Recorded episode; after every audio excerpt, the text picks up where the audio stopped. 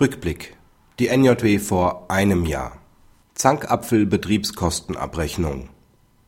Im vergangenen Jahr hatte sich der BGH mit der Frage zu befassen, ob die Abrechnung der Betriebskosten auf der Basis der zwischen den Parteien vereinbarten Vorauszahlungen, also den Sollvorschüssen, anstatt der tatsächlich vom Mieter geleisteten Vorauszahlungen, also der Ist-Vorschüsse, formell wirksam und damit ordnungsgemäß im Sinne von § 259 BGB ist NJW 2009, Seite 3575.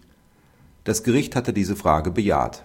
Auch wenn bei einer Betriebskostenabrechnung grundsätzlich die vom Mieter im Abrechnungszeitraum tatsächlich geleisteten Vorauszahlungen von den vom Mieter zusammengestellten Gesamtkosten abzuziehen sind, wird die Betriebskostenabrechnung nicht dadurch unwirksam, dass der Vermieter lediglich die vertraglich vereinbarten Sollvorschüsse abzieht.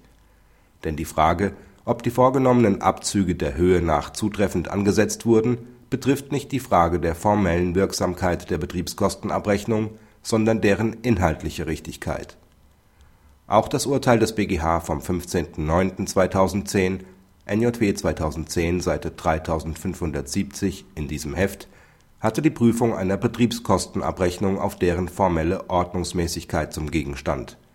Konkret ging es hier in dieser Entscheidung um die Frage ob der Vermieter in der Nebenkostenabrechnung die Gesamtpersonenzahl mit einem Bruchteil angeben durfte.